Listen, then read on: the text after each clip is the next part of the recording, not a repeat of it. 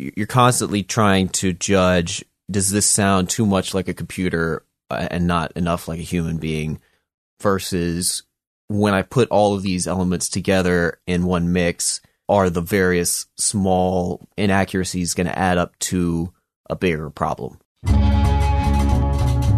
On the 46th episode of Passion in Progress, audio engineer John Douglas. John specializes in drum production, drum editing, drum cleanup, and also producing and editing vocals mainly around the genre of metal. At any given time, John is working on four to five different projects for clients all across the country. John and I used to work together as audio engineers, but if you listen to John, he is such a perfectionist about audio in a good way. So if you're just the casual listener to this podcast, be prepared for a very nerdy conversation surrounding audio.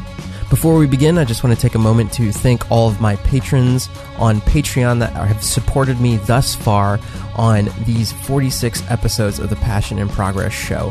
Thank you so much. If you would like to become a patron of the show and support me in what I'm doing, I'm on Patreon at patreon.com forward slash Javier Mercedes. Also, don't forget to share this content out if you find it valuable on any of the social platforms. You can tag me at Javier Mercedes X. That's J A V I E R M E R C E D E S with an X on the end. Let's go ahead and get into the 46th episode of Passion in Progress with audio engineer John Douglas. What is up, Mercedes and Javier Mercedes here for yet again another Passion in Progress show where we talk to inspiring individuals and hopefully through hearing their story, you too are motivated to go out and pursue your passions. And today I am in Atlanta, Georgia, in one of the most bestest, awesomest, interestingest, any other istest that has to do with recording in a home studio this is like way beyond home studio. Um, the, so the equipment that we're co- recording on right now is my equipment, but we are surrounded by other things that could make this equipment sound so much better. I am here with audio engineer, audio producer, all of the things that have to do with audio, John Douglas. Thank you so much, man. How are you today? I'm great. Thank you for that intro. That was that was very nice. Um, I, I posted an Instagram post and it was it was just like me singing in here and somebody was like, "Oh, is that that's cool? Is that is that a home studio? I'm like, well, it's in my home. it's definitely a studio. So, yeah, I guess. right before we started recording, we recorded or we filmed a little tour of his place and the place that we're in right now is a room that is the control room and to our right or his left is a completely different live room for drums. And I'm assuming we are going to get into your specialty there. But uh, f- to give the listeners that are just uh, consuming this podcast via their ears, it's an amazing space, and there's a it's it goes way beyond what you would think a home studio. Like there's acoustic paneling, there's outboard gear everywhere. Anything that you would want to be uh, in a creative space, it's here. Like you can just walk in and start creating music. It's beautiful. That's yeah, that's kind of the idea. And and I think having it look like a real studio is is a major thing. If you want to bring if you want to get clients and you uh you have that moment where you bring them in the room for the first time and you want you want to wow them and it's um, sometimes you gotta you gotta drop some money on on the fancy lights and whatnot to to really sell it. Um, but yeah, like the acoustic paneling stuff, that's that's something that I think a lot more it's people practical. should do. and yeah, no, this, this this is kind of like uh the the meeting of DIY and and professional. Oh, it's so true. You just t- summed it up to a T right there. For the listeners, go ahead and give a background of what you do on a day to day basis now here. It is is a pretty even mixture of of preparing recordings and editing recordings for other people to mix, as well as um, kind of being their virtual assistant for other producers, as well as uh, doing full productions here and uh, bringing bands in. Um, flying out and and doing productions with other people in other places. My day to day is just staying here, probably working 50% remotely via email and and whatever digital channels and half meeting up with people and and recording stuff.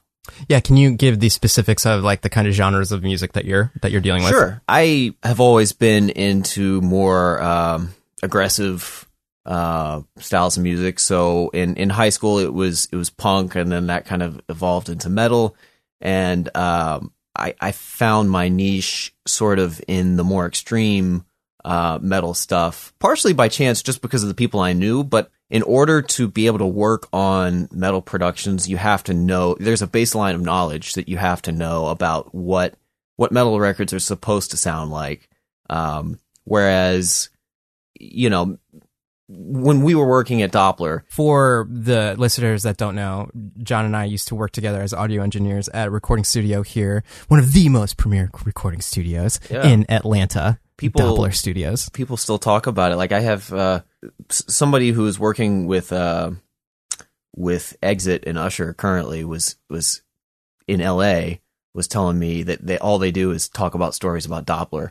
Back in the day, Um, and it's still party party time twenty four seven. Um, when we were working together at Doppler, and uh, there there was like a house drum kit that that some people would use. Occasionally, you, you'd have a, a drummer come in for for something, and you mic up the kit using you know four twenty ones on the toms, and you got your your standard kit set up, and regardless of what genre it is, it's probably going to work more or less.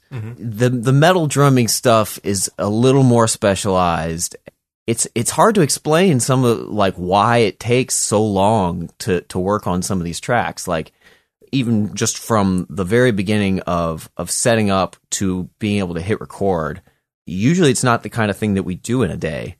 Usually, setup itself is at least a day uh, or two, and then the editing process is usually much more involved than you would have on uh, your average recording, where you might just comp some takes and then make a couple edits. If you listen through and see if anything sounds wrong, and then fix those things, whereas everything has to be dead on the grid or or pretty close to it.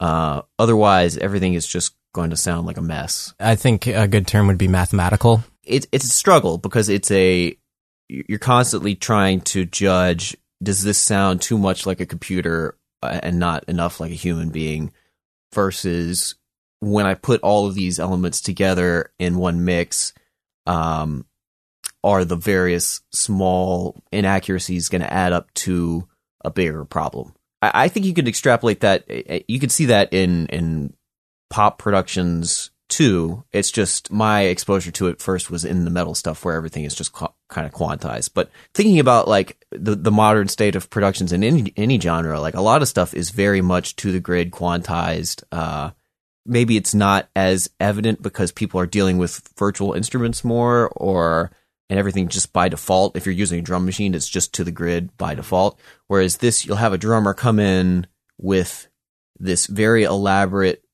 MIDI drum performance that he and the guitarist have like created over however many months of of work. And his goal is to try and perform that as closely to what they've written as possible. For those that don't understand, MIDI is all computerized. It's been it's been plugged into the computer and it's all being played back via the computer. But if you want to have an acoustic performance, continue.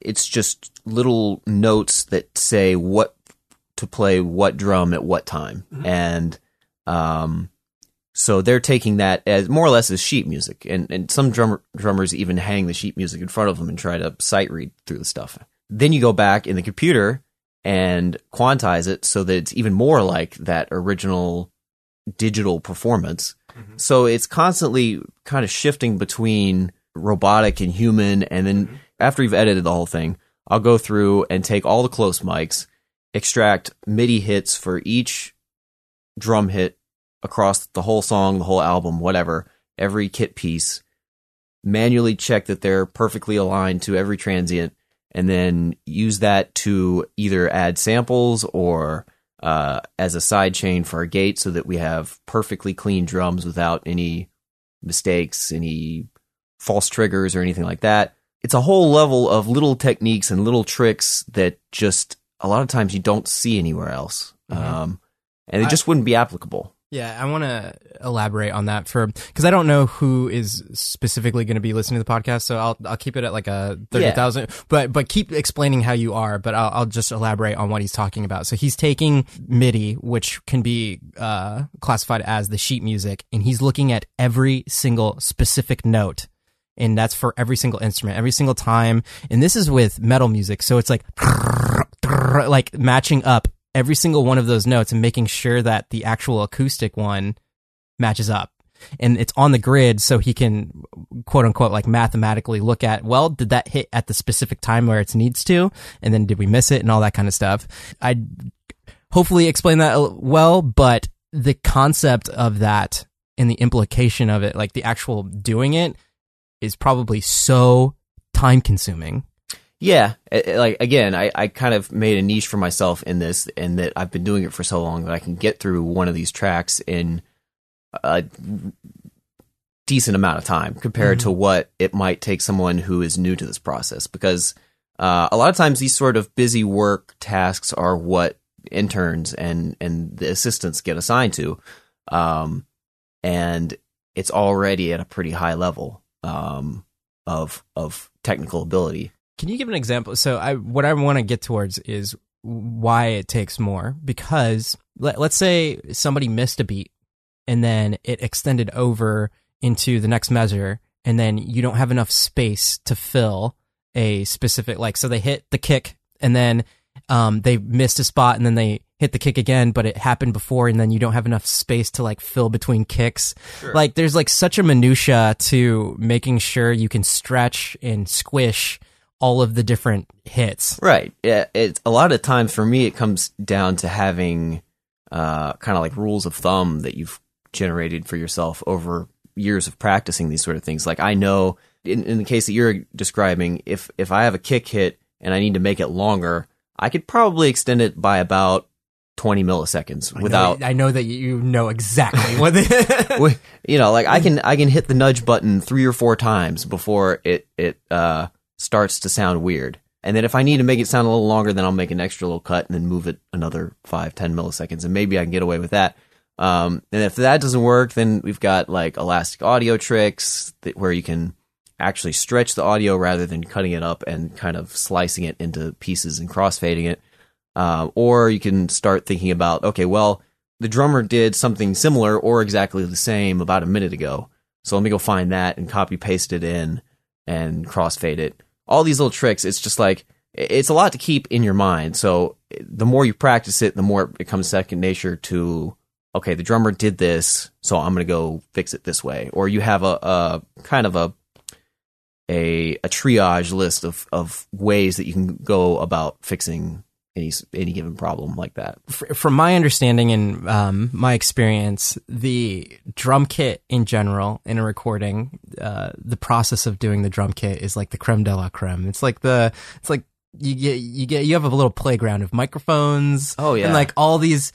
I don't know if it's worn worn off on you, but whenever uh, you're doing live bands, just looking forward to like, oh, what are we gonna do to mic the drum kit? Because yeah. like with a guitar, it's like let's put a 57 in front of the ca- the cab, or with the bass, so it's gonna go DI, or like a horns, or all those other things. It's like maybe just like two mics, three mics. But when it comes to drums, man, yeah. when it comes to drums, it's like it's so exciting because there's so much to, that goes into it. How I'm assuming that you haven't oh, lost yeah. that. No, I think that's that's the same thing. That's that's why I, I love drums and, and and vocals too to an extent. Is is like um, when you get into layering 16, 32, 64 vocal tracks in a in a song, things get much more interesting uh, mm-hmm. than when you just have one lead vocal. Uh, but yeah, with drums, I mean, you're already starting out with you know, in my case, it's usually between 20 and 30 mics um, right off the bat. And then Jesus. on, on top of that, I'm going to layer in samples. And so, you know, and I'll, I'll comp it down to something reasonable later. but it, at some point, it's going to be like, I don't know, 50, 60 plus tracks of drums all kind of feeding into each other. The most fun part really is, is mixing them once, once you've got them recorded well take the audience through a typical drum session recording? So for drums, I want to have as good sounding uh, instrumental tracks uh, aside from the drums as possible. And hopefully some sort of reference as to what the drums are supposed to be doing.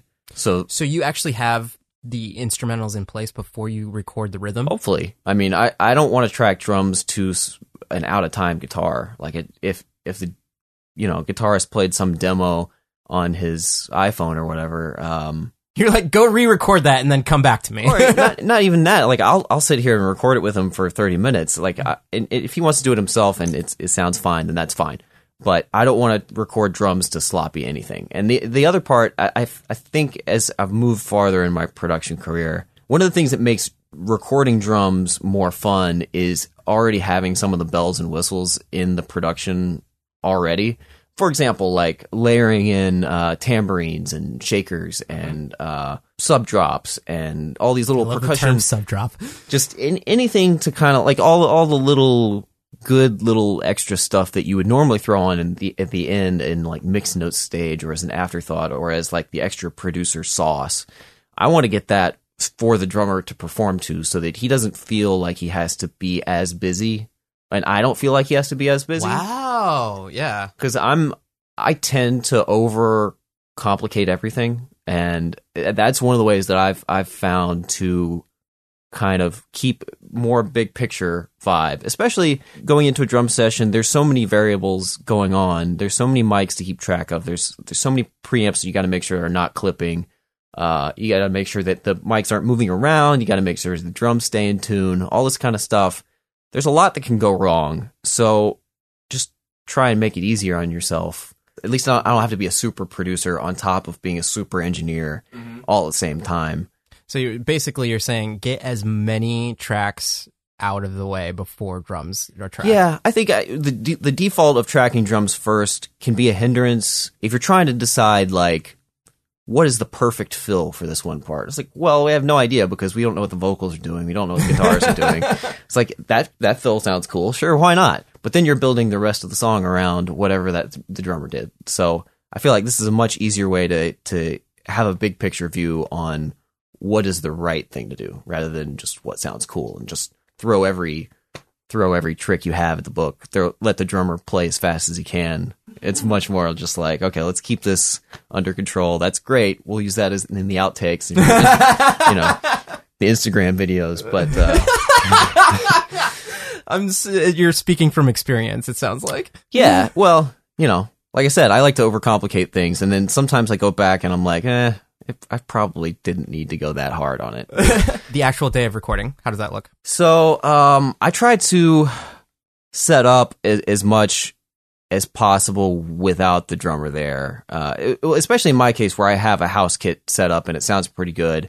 Uh, and a lot of times the drummer isn't bringing kit. Maybe they'll bring a snare um, or their own cymbals. Um, and if they bring a full kit, we'll definitely check it out and and put new heads on it and tune it up and make sure like we're checking all available options. My goal usually is to have the kit set up to a point where everything is already turned on, the preamps are already set, the levels are checked, and the drummer can just sit down and start recording. All the kind of technical stuff is already taken care That's of. not a small task. No, it isn't, and it usually takes about a day or a half a day uh, to to get that done. Especially if I don't have anybody helping me, because it's like I come in here, hit record, then run into the room and go look at, go play, and then come back in here and check and see if anything clipped, and then listen to it, be like, okay, that t- floor tom doesn't sound that great. Let's go back and retune that again, or whatever. Or the snare head sounds dead. I need to change it. Um, that's a, another thing. I think uh, some of the, the metal stuff goes a little more OCD with is like new strings, new drum heads, new new everything. Like everything's got to be like perfect and pristine. There's no if you want to actually use the tracks that you recorded and not just end up replacing them with samples or end up auto tuning everything later or whatever, you really have to take the time to make sure that everything is perfect. And and drums, the complexity is exponential. So you know it, it just takes that much more attention and attention to detail. I, ideally, I just want to bring the drummer in, have a listen to the song, have a listen to the pre-pro, um, go over any parts that they're like, yeah, I don't, I don't really know what what we're supposed to be doing here, and maybe uh, just kind of come up with a rough game plan of how we're going to attack the song. Sometimes I'll just depending on how prepared they are, maybe they come in and just play through the song. Uh, maybe they have no idea what the song sounds like, and we're going to go section by section. And I'll just have them play the intro and maybe the first verse, and then we'll go back and say, okay, first verse into the next chorus, chorus into the next part. That's actually more common. Uh, start off with some longer takes, just let them jam, start feeling comfortable on the kit. I'll start to kind of t- let my ear absorb what's sounding good and what's sounding bad and try and um, if I have any of my own demoitis going on of like if I've listened to the the program drums too much and it's like all I hear is that right crash on the chorus and I can't unhear it um, you know, I've got to evaluate to myself: is that demoitis, or does it really need to be a right Can crash? you evaluate on, on, what demoitis is? Because I, lo- I love that. Yes. You, is that a term that you coined? Because the, oh no, no, I, I thought it was common knowledge, but um, demoitis is where you listen to your demo recording or whatever recording it is over and over and over, and then you go to redo it, and nothing works because it's not like the original, mm-hmm. and you're trying to make it better, but it never sounds as it, good as it never original. sounds quite as good or you think it sounds good and then you go back and you listen to the original and like no just not quite there. It's usually a bad thing and it's usually overcome by one is having a strong producer voice in the room who says no that, that that's not what we're doing Mhm. we're going to do it this other way and you're you're going to get used to it Mhm. um, just trust me and Yeah. you know give it give it a day sleep on it and and if you really hate it tomorrow then then we'll change it and usually that's enough i guess the other part is just having musicians that are willing to come in knowing that yes i've been listening to it this way and i know some things are going to change and i trust you Mhm. um that's that's been a great kind of uh the occasions where that's happened to me where where a singer or a drummer particularly a singer uh is what i'm thinking of is when singers really put full trust in you to produce them that's something special. Let me ask this: Can you explain the interaction between engineer, drummer is in drum room, band members are in here? What is the atmosphere like, and how how does creativity manifest itself? I, I try to keep everybody kind of on the same page. Like it's not like the drummer plays something and then I discuss it with the band and be like, guys, what should we tell them? No, I, yeah, But- yeah, yeah. I'm I'm a very hands-on producer. I know some people are very, much more just straight engineer. I'm just going to record you, and and that's that's what I'm good at. I don't feel com- I don't feel confident enough in my own musical tastes to direct you, basically. Um, whereas I, I feel at least in the more aggressive genres that I've worked in for a while now, I feel that confidence of being able to say, I'm like 90% sure that that's not going to work. Or, or like, you know, it's, it'll be better. Just trust me if we do it this way. Um, and, and a lot of times at this point in my career, a lot of the people that on the projects that I'm directly in control with are less experienced than people I may have worked with in more of an assisting context. So I've seen both levels of like, these are the guys who've been doing it for 20 years and know exactly what's expected of them and they're super pro at it. And then these are the guys that I'm kind of bringing into the studio for the first time and showing them the ropes, um, and showing them how these top tier productions are done. Um, so they may be, you know, not used to doing a bunch of takes of drums or going section by section or having like the most common one is just having a drummer like realize that I'm punching you in here, so you have to play the part before it so that the bleed matches. Like yeah, some people just can't get that through their heads, uh, or just just the the ability to split songs up into sections and think about them in in shorter segments and really focus and play the same thing. Be able to replicate your performance over and over and make small tweaks to it. That's a different skill that you know I, I kind of take for granted sometimes, um, and you have to get people accustomed to that workflow or fake it in some way or another. Like you have to be on point enough to realize, okay, that's the take that I need to be able to fix this problem that I'm having. He's never going to play it the way I want it, him to. So let me just, I need that, I need that, I need that, and I can comp it together. You know, we'll, we'll spend like an hour or so tracking drum parts, and then I'll have the drummer come in here because I've noticed, um, and I, I've read this a lot from from other people too of, of the importance of headphone mixes. I, I think everybody will probably stress the same thing. It's just like if the artist, whether it's the singer, guitarist, whatever, they really need to be able to feel comfortable in what they hear. Getting a good drum headphone mix is really hard.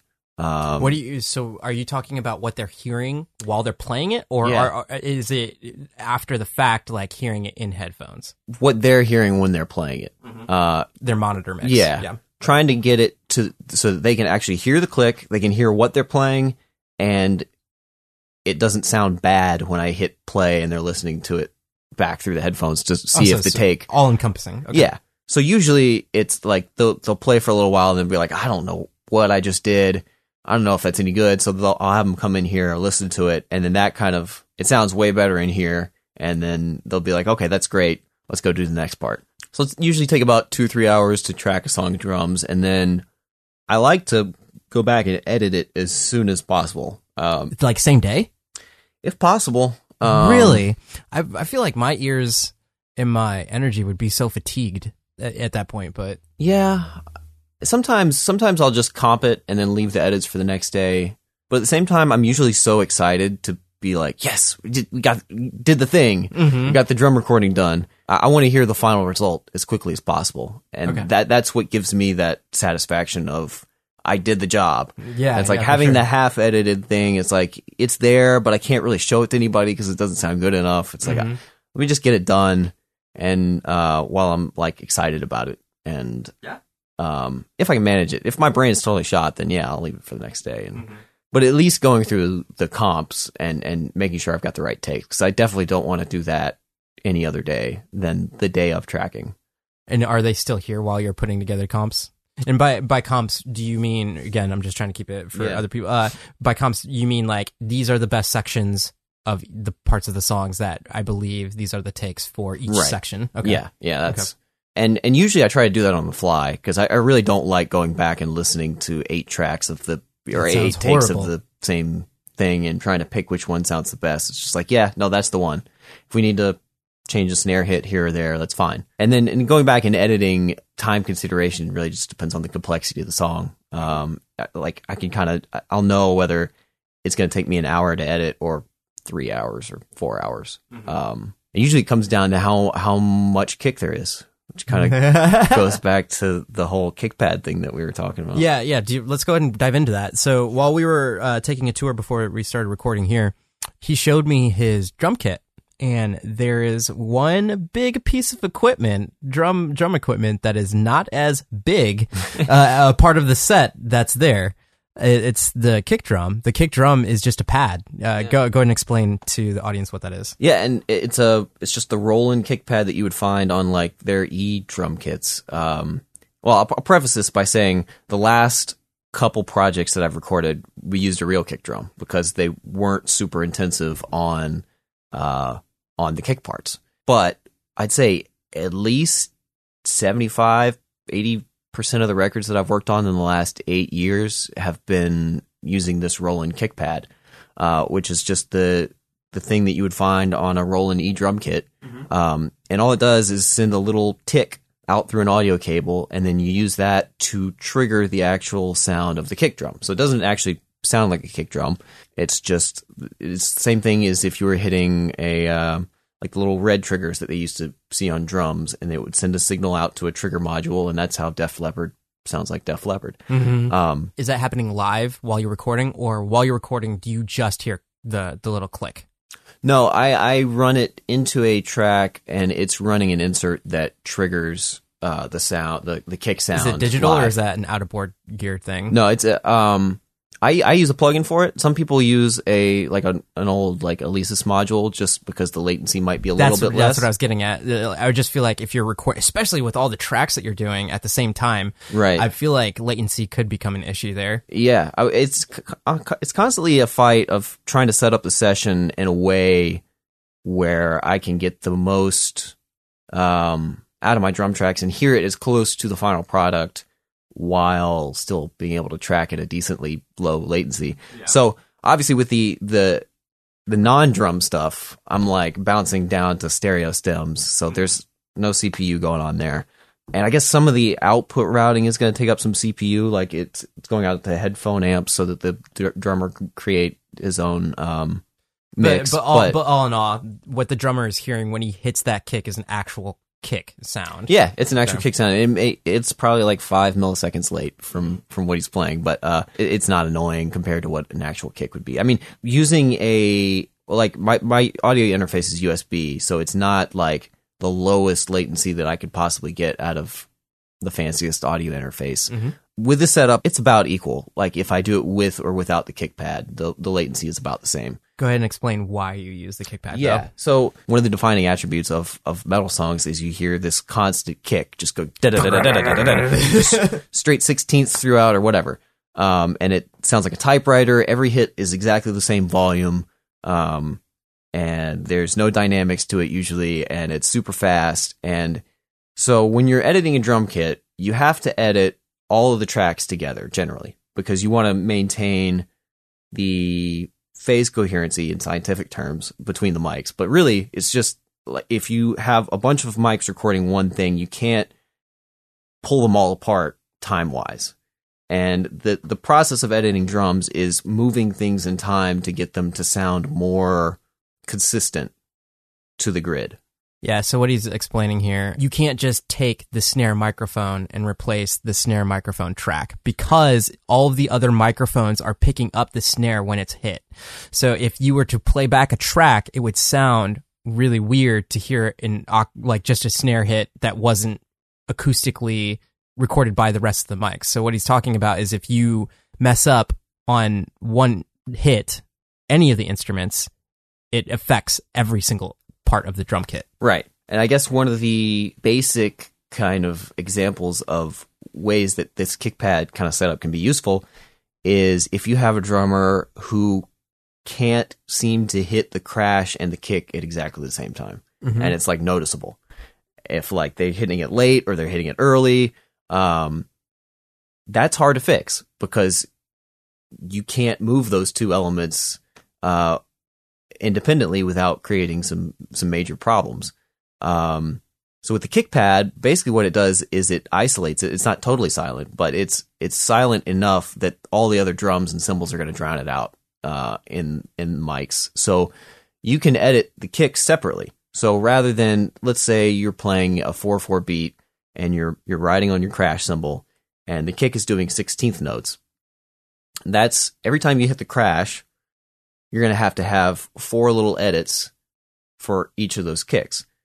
So if you if you can edit the kick in isolation, then you don't have to make those cuts on the cymbals, and your cymbals sound, in theory, four times less edited. Or you know, you can put it that way. I guess. Not not only that, but it's efficiency. Like time time Right. time wise, you're only having to make one edit versus four. Right, and in the grand scheme of things, when you're when you're making thousands of edits per song or hundreds of edits, uh, that adds up very fast. Uh, you're also like when you're when you're cutting up a performance, it's just less hits to look at. Yeah, like like you said, it's uh, you only have to focus on snare, toms, and cymbals.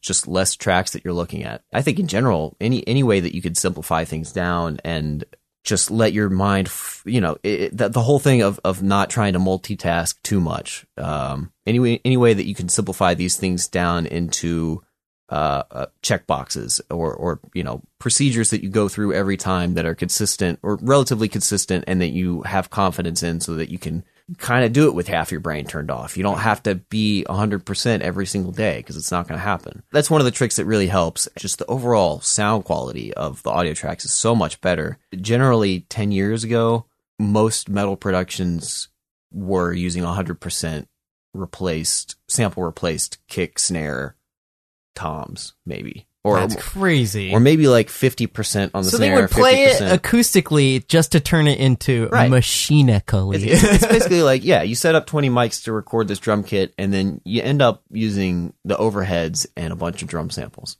And that was kind of the norm. wow, wow. So it's it's all these tricks that we've kind of built up to be able to get it to a point where it's not like that, where you can actually use the sounds that you were you spent so much time recording. It's like why spend all day tuning the drums up if they're just going to be replaced with samples? Um, it's it's stupid. And and ten years ago, there you know people were spending big budgets going into these fancy studios just to have their stuff replaced in post, and it's it's it's dumb. And so that's that's kind of the, the niche that I got into was working with producers who actually knew how to work with natural drums in a metal context and make them sound good. And that's I've kind of been working incrementally to just further that, keep furthering that because mm-hmm. you know they're they're not big trade secrets or anything. Like I and I don't I don't like having big trade secrets either. It's like I I would rather like I get excited about these techniques and stuff and I want to tell people about it and and just get on and learn the next new thing that's going to make me excited about production. Um it's not like I, I want to be like I can't tell anybody about this plugin. Otherwise it won't work anymore. Um no. you have to work 10 years underneath me to get, know this one. Yeah, yeah.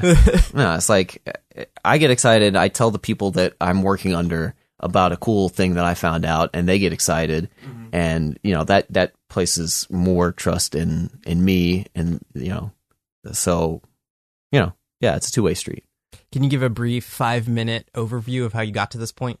Sure, I started interning at Doppler Studios in 2011 as at Javier trained me. Um, you trust me, you're way beyond me in, in all things audio. Well, it trained me to to be a, an employee, and That's actually a good. Just talking about the concept of uh, interaction, because it's like you in any. I think I can't blanket statement for all fields, but I think the technical aspect of anything, whether you're like a rocket scientist or anything, like people can learn that, but it's just the interaction and the actual what you were talking about, having the presence of uh, if you are the producer, if you have the right voice to be like, and you know that hey, we need to stop doing this because we're wasting time and we want to do it this way, or to get the certain tracks. It's like that's the kind of stuff that you can't really teach. yeah, we saw enough interns coming in and out of the studio that uh, it was pretty clear when people got along with clients and and who who was good at that sort of interaction and uh, who wasn't going to last in, in that sort of way. just to briefly touch on it, what we're kind of getting at is at Doppler during the day. It's very much a it's a studio that records like ADR or um, audio dialogue replacement. I don't even think that's the right acronym, but the um it's like for movies and commercials and things like that. But then during the night is very much cliche what you would think a hip hop uh recording is going on, and sometimes uh there were some rock acts as well. Uh, Occasionally, yeah, you got lucky with that. yeah, uh, Walk the Moon. Walk the Moon was there. While you're there, you're just like a liaison between the machines, the building, and like just making sure all the things work for the people that are coming in and out. Um, and I, I think it teaches you a lot just to being in the room, just being a fly in the wall, and then also just interacting with or a lack of interacting and just like soaking up all the stuff from all the people that come through there because it's like legit people that were coming Yeah. through there. Yeah, I mean that was I guess probably rule number one aside from just don't break anything would be like don't be a fanboy, don't be awkward, don't be, you know, don't be that guy who runs up on the celebrity as they walk in the door and be like, "Dude." um Going on from there, where what else have you been doing? And uh, how like because obviously even while you were there, you were doing metal stuff, right, well, it was it was kind of almost at the same time as I started interning at Doppler. Um I was in a band with a guy. His older brother was in a band. The band ended. He moved to Orlando to join another established metal studio as an engineer. And I just threw it out there that I had been editing drums for a couple local bands and just like I, I was kind of fascinated with the idea of editing drums and, and just how much that affected your perception of the quality of the performance. Like especially with uh, metal. yeah, or even even just like I vividly remember the first time like in my bedroom in like 2004 having a Digi 002 and having four mics, like two overheads, kick snare and recording my basic little setup and then quantizing it using Beat Detective and being like, oh, that's how they get there. And then like using SoundReplacer and layering in some samples and being like, oh, okay, so that's how you make a record, um, or how that's how you that's how you make it sound like that. You know, it's like I can get guitars pretty close, I can get bass pretty close. you just sounded like plugging in like so Digio 2 at this point is kind of could some people could razz me for this, but it's it's like an eight track of like the old school day. It, but nothing sounded good through it. yeah, but the equivalent of if you were to get out a tape recorder in in terms of interfaces, but everybody knows what a Digio 2 is. Yeah, it Eh. was it was a lot of people's introduction to Pro Tools. It was that kind of point where Pro Tools became like a thing that other people had outside of outside of major recording studios, and you could actually start to break into that world and get some experience that way. But the way you explain it was almost like it was like your cocaine hit of like where Oh, you're at where you're at today. It's like uh, like your first time drumming and then being able to do what the quote unquote pros are doing and then Yeah. just being like demystifying the process. Right. Because I, I had even used uh, a Digi 001 before that, which only had two inputs. And so when we tried to record drums, we were subbing, submixing it through a mixer and just like getting stereo channels and nothing you could do with that. Um, and I was just totally clueless. At that point, like, I was afraid to use any inserts other than reverb because I just didn't know like how that worked. Like, yeah, yeah. all these threshold knee ratio. I don't know what that means. Reverb, I know what that does. Wet, dry, I could do that. Yeah. Um, and awesome. but yeah, and, and I had the same struggle with vocals for a long time. Of like, I'm recording myself. I'm like, you know, I I sit here in front of my SM7, like belting my heart out and doing the best that I can. I'm like, I think I'm an okay singer. Why does this not sound like the record? Mhm. and you're using the same exact microphone Well, and all that e- stuff. Even you know? if I'm not, it's like I should be able to get close. Like, Mm-hmm. What what's the secret there? The first time that I pulled up a there's this plugin called uh, Voxformer by Voxengo. There was a VST long time ago.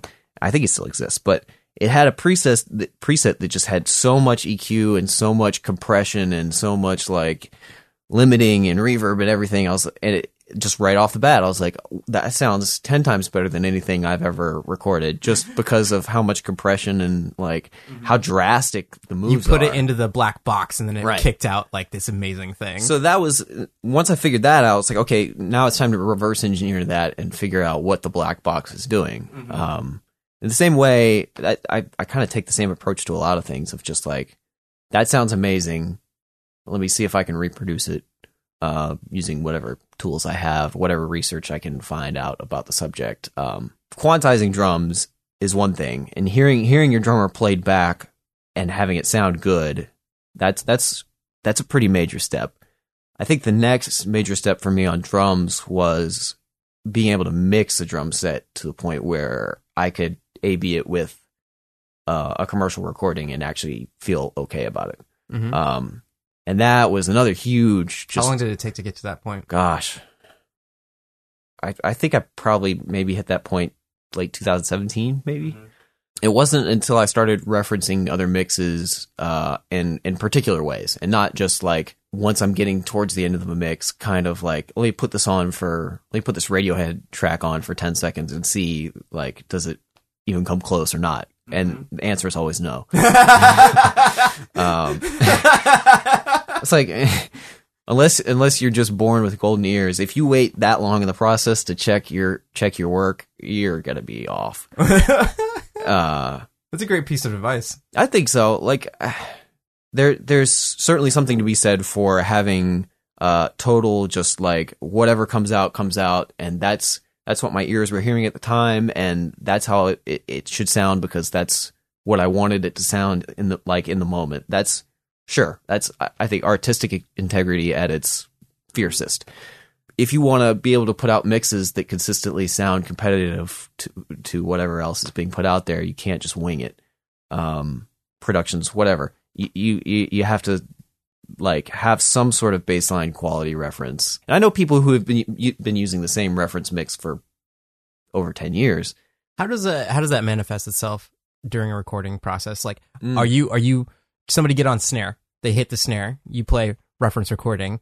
Like, is it something like that or? To it can be. I've I've gone to that point where it's like, let's see how close we can get just with the with as little as possible. Like let's pull up a snare mic and you know using one EQ. Let's see if we can get close to the album tone. I have I have tricks with like visualizers, uh, uh, like frequency analyzers, where I kind of know, like I've looked at enough frequency plots of drums that I know like what it should joke. look like. This is how you know John's like super profesh when it comes to this kind of stuff. I don't I don't even mix with my ears anymore. He's just looking at charts. But the like the the fact that you're referencing and you're playing back, do you just like cut out the drum like a drum solo and like just like look That's at that's not a bad way to do it. Or or like guitar intros is is the, probably the, the mo- most common one. Is like if I could find because everybody's got the the one guitar intro riff on mm-hmm. some song on the record. yeah. You isolate that and have the guitarist play a riff, and then A B. Oh no, I was talking about drums specifically though. Oh yeah, um, it's a little more rare to go that extreme with drums. It's it's usually more after I've recorded the drums and I'm I'm starting to put the mix on them. I love how you say like a rap reference. Like let's let's put the mix on them. It dropped, yeah, John Douglas. Drop the subs and- Drop the mix. yeah. um, I mean, I- yeah, when when I'm recording drums, I want it to sound as good as possible, but there's obviously limitations with latency and and CPU and all that kind of stuff. So I I just got to get it listenable uh, for for the session, and and then I really dig into like what is my target mix, or like what what do I if I can beat this mix, or or yeah, it's really like let me pick a mix that I think I want to beat, and and That's that's, awesome. That's where I go from there. Is usually I'm not soloing out drums. Like let me isolate their snare and compare it. It's usually more like let me get everything kind of where the levels are relatively similar to the reference mix, and then listen and be like, okay, is their snare brighter? Is or is they have Wow. more? Like, do they have more 100 hertz kind of stuff? And especially with the the analyzers, you can get really, really nerdy with that kind of stuff. Like, if you if you get your balances uh, similar to a reference mix, and then you have your overall volume similar to a reference mix, you can just run a match EQ on it and tell you like, okay, compared to that mix, you've got too much 2K and you've got too much 150, or you just, you know, and then you say, okay, well, most of my 2K is probably coming from my rhythm guitar, so let's go find 2K. That And is crazy. You know, it's it's that's my way of working is much more of like a scientific, like because that's the only way I can feel confident about these sort of decisions and make them quickly too, and and, not be like, let me suck six dB out of 2K. Yeah, it might be okay. Let's try let's try this other frequency and see if that sounds better. I don't know. They both sound okay to me. It's like no, there's you know A B. Which one sounds closer? A. Okay, moving on. You know. wow. Um, What a time to be alive. right. it took me a long time to to get to that point of of not just stabbing in the dark because a lot of times I feel like I would do what a lot of people I'm sure are doing at this moment, like going on YouTube and watching, you know. Some some guy pulls up his Pro Tools session and you look at his EQ and he's like, "Oh, he's boosting 10 dB at this," Mhm. and so I'm gonna do that. And it's like, well, but he's got totally different source recordings than you do. I, I've done a lot of work with um, this URM Academy, and and one of the things that they offer is they will get bands to release their raw stems from from songs, and then have the producer come on and mix those raw stems and show you how they did it, and then there'll be like a mix competition to see. So that's like one way. That's like a a, a legit way of of kind of comparing yourself one to one to a record with the same source material. Um, that's that's a resource that really just wasn't available ten years ago. Like mm-hmm. to be able to get the actual stems from your favorite band's song and see what the bar actually is. Like that's like when I when I can pull open like the lead vocal track from my favorite band with no effects on it or anything and, uh, compare it to my lead vocal track with nothing on it and see just like see how close I am. That's scientific. That's what I need to be able mm-hmm. to to have confidence in what I'm doing. Going back to Doppler, um, and especially with uh, Walk the Moon when they were in the studio, when uh, Nick, do you remember his last name? it was Nick, uh, and then the producer? Ben and Ben Allen. Nick, uh, I didn't meet him. uh, so it's Ben Allen was the producer, and then Nick was the recording engineer. And I'm sorry, I don't have your last name. Uh, but when they mic'd up the drums, and then they just the guy hit the snare drum, and I was like, what the fuck? like this just sounds like Smashing Pumpkins. Like uh, no no effects, nothing. That was just like straight like just microphone placement. Just how how he treated his drums and the mics and, and like that was straight out of the microphone. And then I was like, what the hell do you do after that? Like Yeah. what like you if this is how it sounds right now, how like what? That's crazy. Yeah. But again, that's what the professional like that was one of those eye-opening moments where it's like this is why X engineer gets paid X amount of money because they go in there and they do the things and they have the stuff and then boom, it's like fuck. like Yeah. this is so cool. Yeah, as, as long as you get to that end result where where people can hear it and have it sound awesome like that. Um, and yeah, the the amount like going back to just the amount of variables involved in drum recording to make a drum sound like that through one mic is is kind of nuts, and that's a specialty in and of itself. Um, even I'm sure just he like had like the other mics on, but I just remember when they started first tuning, like they were just like, "Well, let's go and see what it happens." Like, just go ahead and give me some snare. I was like, "Jesus Christ, this is amazing! Like, Yeah. crazy." the the difference between a well tuned drum set and a drum set that's been sitting around is is incredible too. Yeah. Like and and new heads versus old heads and all that kind of stuff. Like I've spent the last year or so trying to get better at that kind of stuff. Um and and even so, I've really only touched on like a certain like style of drum tuning of like these are the intervals between the top and bottom heads. I'm using this style of head. I'm I'm tuning generally to this tuning range, especially with the snare. It's like you know you have the guys who tune it super loose and and they get that huge 80s thud thing where I have no experience tuning drums like that, mm-hmm. but I'm pretty good at getting like the ringy like bell brass kind of like just bang. Can I just That explain thing. the the one of the things I love about video editing is it's visual, and you can you can you you do the edit like there's no black box thing. Well, for special effects or whatever, like like you do the edit and it's there. When you have to describe audio sound effects without playing them, it takes a whole nother talent. It's like say you're tuning the drums and then you're like, well, I didn't, I got the ding, but it was just a little millisecond too much ing. Let's take off Yeah. some of that ing. You know, a little more, a little more douche and a little more, a little less ding. You gotta have, yeah. And then, yeah, when you're communicating with drummers over the the talkback, that's a whole nother thing. It's like, what syllable do you use for snare and what syllable? No, do do ka, do do ka, do do cuts. yeah, as in like playing back stuff. That's great. Yeah, I love that. Um, but let's let's start to wrap it up. Uh, one of the questions I always ask everybody at the end of the podcast is, why do you do what you do? yeah. That you know, I don't. It's a question that I haven't framed to myself quite in that in that way. I, I almost think about it in the reverse of like, what the hell would I do if I wasn't doing this? and I honestly don't know. Um, you know, like from a very early age, I had I had a passion in in computers and and music, and and for as long as I can remember, that was pretty much it. There's there's a there's a sports period as most young boys have, but um, computers and music have been have been the consistent thing. And and this is kind of the marriage. This is like the perfect marriage of those two things for me. Um, especially given that I get to work on a, a style of music that I actually like, and it, it's not just yeah, I'm working on music and I'm in the studio, but like I could care less about the kind of stuff that I'm putting out. It's like no, I'm passionate about the stuff that I'm working on, and I'm I get to do it in an environment. Yeah, this is my house. This is my home. yeah, Like I can't really. uh, It's like for me, that's why I think it's like, what would I do if I didn't if I didn't have all this? It's like this is kind of like what I've been. You know, I, I have to I have to think about like what's what's next. Like what how could it get any better? Like what's uh what's what's the next forty years of my life gonna be about?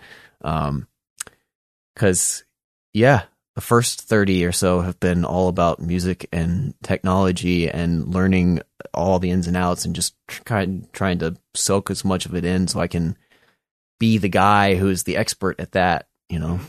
Um, and that's that's what really gives me uh, a sense of satisfaction at the end of the day is when I can play something back or show, you know, play play a mix for somebody and they're like, "Damn, that sounds amazing. That sounds better than anything I've heard." I I, I need you on my project or whatever. I'm assuming it's the same effect that I had with um, Ben Allen and Nick in the in the studio when they went and hit the snare drum. Right. Like when a band comes in and then they they hear the first like when you have everything tuned, it's like, oh, we're making a metal record. Right. Sweet. It is almost like another Doppler reference. The first time I saw Sean Coleman edit, like doing audio edits for Squidbillies, I was like, ah, I got to get faster at Pro Tools. Smoke coming up from so I did a I did an interview with him and do you know he like he doesn't really edit on Pro Tools anymore. Really? So he he still produces music and does stuff with that, but he has uh, a mixing board Oh, and he does everything like mixing wise on it. And I was like, wait, what? And I guess for his new job where he's at, it took him like two to three months of just being the slowest audio engineer. But obviously, he has the theoretical background to to implement the things. I'm, I have to see that such, in person. Such such tangential thing, but just know that Sean Coleman is hands down the fastest editor I've ever seen in my life. I, I wouldn't be surprised in ten years if you see a whole lot more people working on those touch screens. Yeah, you know, yeah. I I'm I was I'm still very skeptical of it, but the fact that he's using one makes me Mm-hmm. 50 percent less skeptical. that that gives you the gusto of the person that we're talking about. If you're Yeah. listening, Sean, Love you. big up, man. Uh, and then the next question that I ask everybody is: Let's say it's from high school onward. What would you tell people to get to the point where you're at today? Advice Right. Wow. Um. if they want to pursue what you're doing right now. Yeah. For for what I and I get that question a fair amount because I I was doing these like um Skype kind of one on one advice type things for a while, and a lot of it was with people who are, are seeking to get to the same point, and I feel like there's two roads that generally get recommended. And one of them is be a very social person, go out to shows, meet a lot of people, network your ass off, and let them know that this is what you do and just be a nice guy, help out with everything. The other is the road I've taken, which is just be uh, super obsessed with what you do and get really, really good at it and um, get lucky in a few ways of meeting the right people at the right times and and putting yourself out there to the right people i guess. Um like find out who it is who's doing the thing that you want to be doing right now and figure out how to work for them and then from there you if you can gain their trust then you will gain the clients that they can't take on in the future or whatever that you know the runoff from that. Um, that's that's really how I've built up my my stuff is is taking on it- it's been a slow build up and it's been slower than a lot of people that I've seen take the opposite route of just being extremely proactive and going out there hard on social media and going to shows all the time. For me, that's just not my style. Um, and I got lucky in a few cases. Uh, it, people say, yeah, it's not lucky. You, you, you know, you had the right skills at the right time with the right people. But I think, uh, if you, if you have, if you have that goal of, I want to be the guy that does that, um, find out who's doing that now or the closest thing and, and see what you can learn from them and, and see if you can be their apprentice. Because I, feel, I st- still feel like that the apprentice model, you know, it's certainly not as prevalent as it, as it once was, but um, it's hard to replace that style of learning, especially in in creative and yeah, this combination of creative and technical um, art yeah, forms. Yeah. I, I would say audio engineering uh, in general, the mentorship, I, in my opinion, would f- far outweigh a collegiate degree oh yeah, if you're serious about it. Now it's hard, like because obviously you made the right decision. Like obviously you st- you're still passionate about it, but there's like there's a that's a hard decision there where it's like do you give up doing because I mean there's so much argument that's still there for the well you need to go get a degree and all that kind of stuff, and I think hands down if you are serious about being an audio engineer and you think ten years down the line you still want to be an audio engineer mentorship is far superior. Yeah. Um, it, it it it may vary from th- uh from like different genre to different genre, but from my experience seeing different things play out, you just you learn so much faster in the place where you want to be. You're you're doing the things, right You know? yeah there, there's no there's no substitute for that kind of experience like i can watch all the tutorials uh, of of drum editing i want but i've i've worked on like over a 100 metal records now and Mhm. it's just like there's there's i know i've been through every conceivable situation yeah, pretty yeah. much every once in a while i'm a surprise but um yeah it, there's just no replacement for that and I, the other thing I, I think is um make sure that it's something that you feel like you can you can yeah you feel like you can continue to be passionate about and continue to want to learn from. It not just hit like a plateau and and be like okay i i did the thing. Um because I, I feel like I'm always pushing and and to to learn the next new trick, and I know that there are a lot of like people who would just prefer to stick with the old school, what you know, whatever they learned in their in their 20s or 30s, and whatever they have that's working now, just stick with it. But uh, you know, I, I think it's it's important with the rate of new people coming into the field, and just you know, there's there's always it is so tough. there's people who are passionate, and so you better be passionate too. Mhm. Um, and there's no replacement for that. That's that's the biggest motivation that I have is it's like, you know, sometimes I get tired of doing whatever it is that I'm working on, and I go back and sit on the couch for ten minutes, and then I think about, man, I should really go work on that some more because it's awesome. And if it wasn't awesome to me, then I wouldn't want to work on it. I would just go find some other way to kill time, go play video games or something mm-hmm. but to me it's like this is what i need to be doing this is this is what i care about legitimately it's not just a job Yeah. so There you go. there you go Work and play at the same time. Where can people find you? johndouglas.net um you can uh, email me at john at johndouglas.net you can find me on instagram at john d douglas and facebook at same address twitter same thing um hit me up we'll have some fun And from my understanding, it sounds like your specialty in terms of like working with other individuals is drums and specifically in the metal genre. Yeah, like I'm I'm really open to doing full productions. I I really lately I feel like um my confidence has grown in taking on the whole process of from from start to completion from songwriting to finished mix. Um so if that sounds like something you're interested in, um here. awesome. Well, thank you so much for your time, man. Thank you, Javier. All right. Uh, if you want to check me out, I'm at Javier Mercedes X. That's J A V I E R M E R C E D E S. And then there's an X on the end. So there you go. If you want to tag me on anything, especially if you would like to share out the podcast that you just heard, that'd be awesome. Uh, just tag me at Javier Mercedes X and maybe John Douglas at the same time, and then we could chat.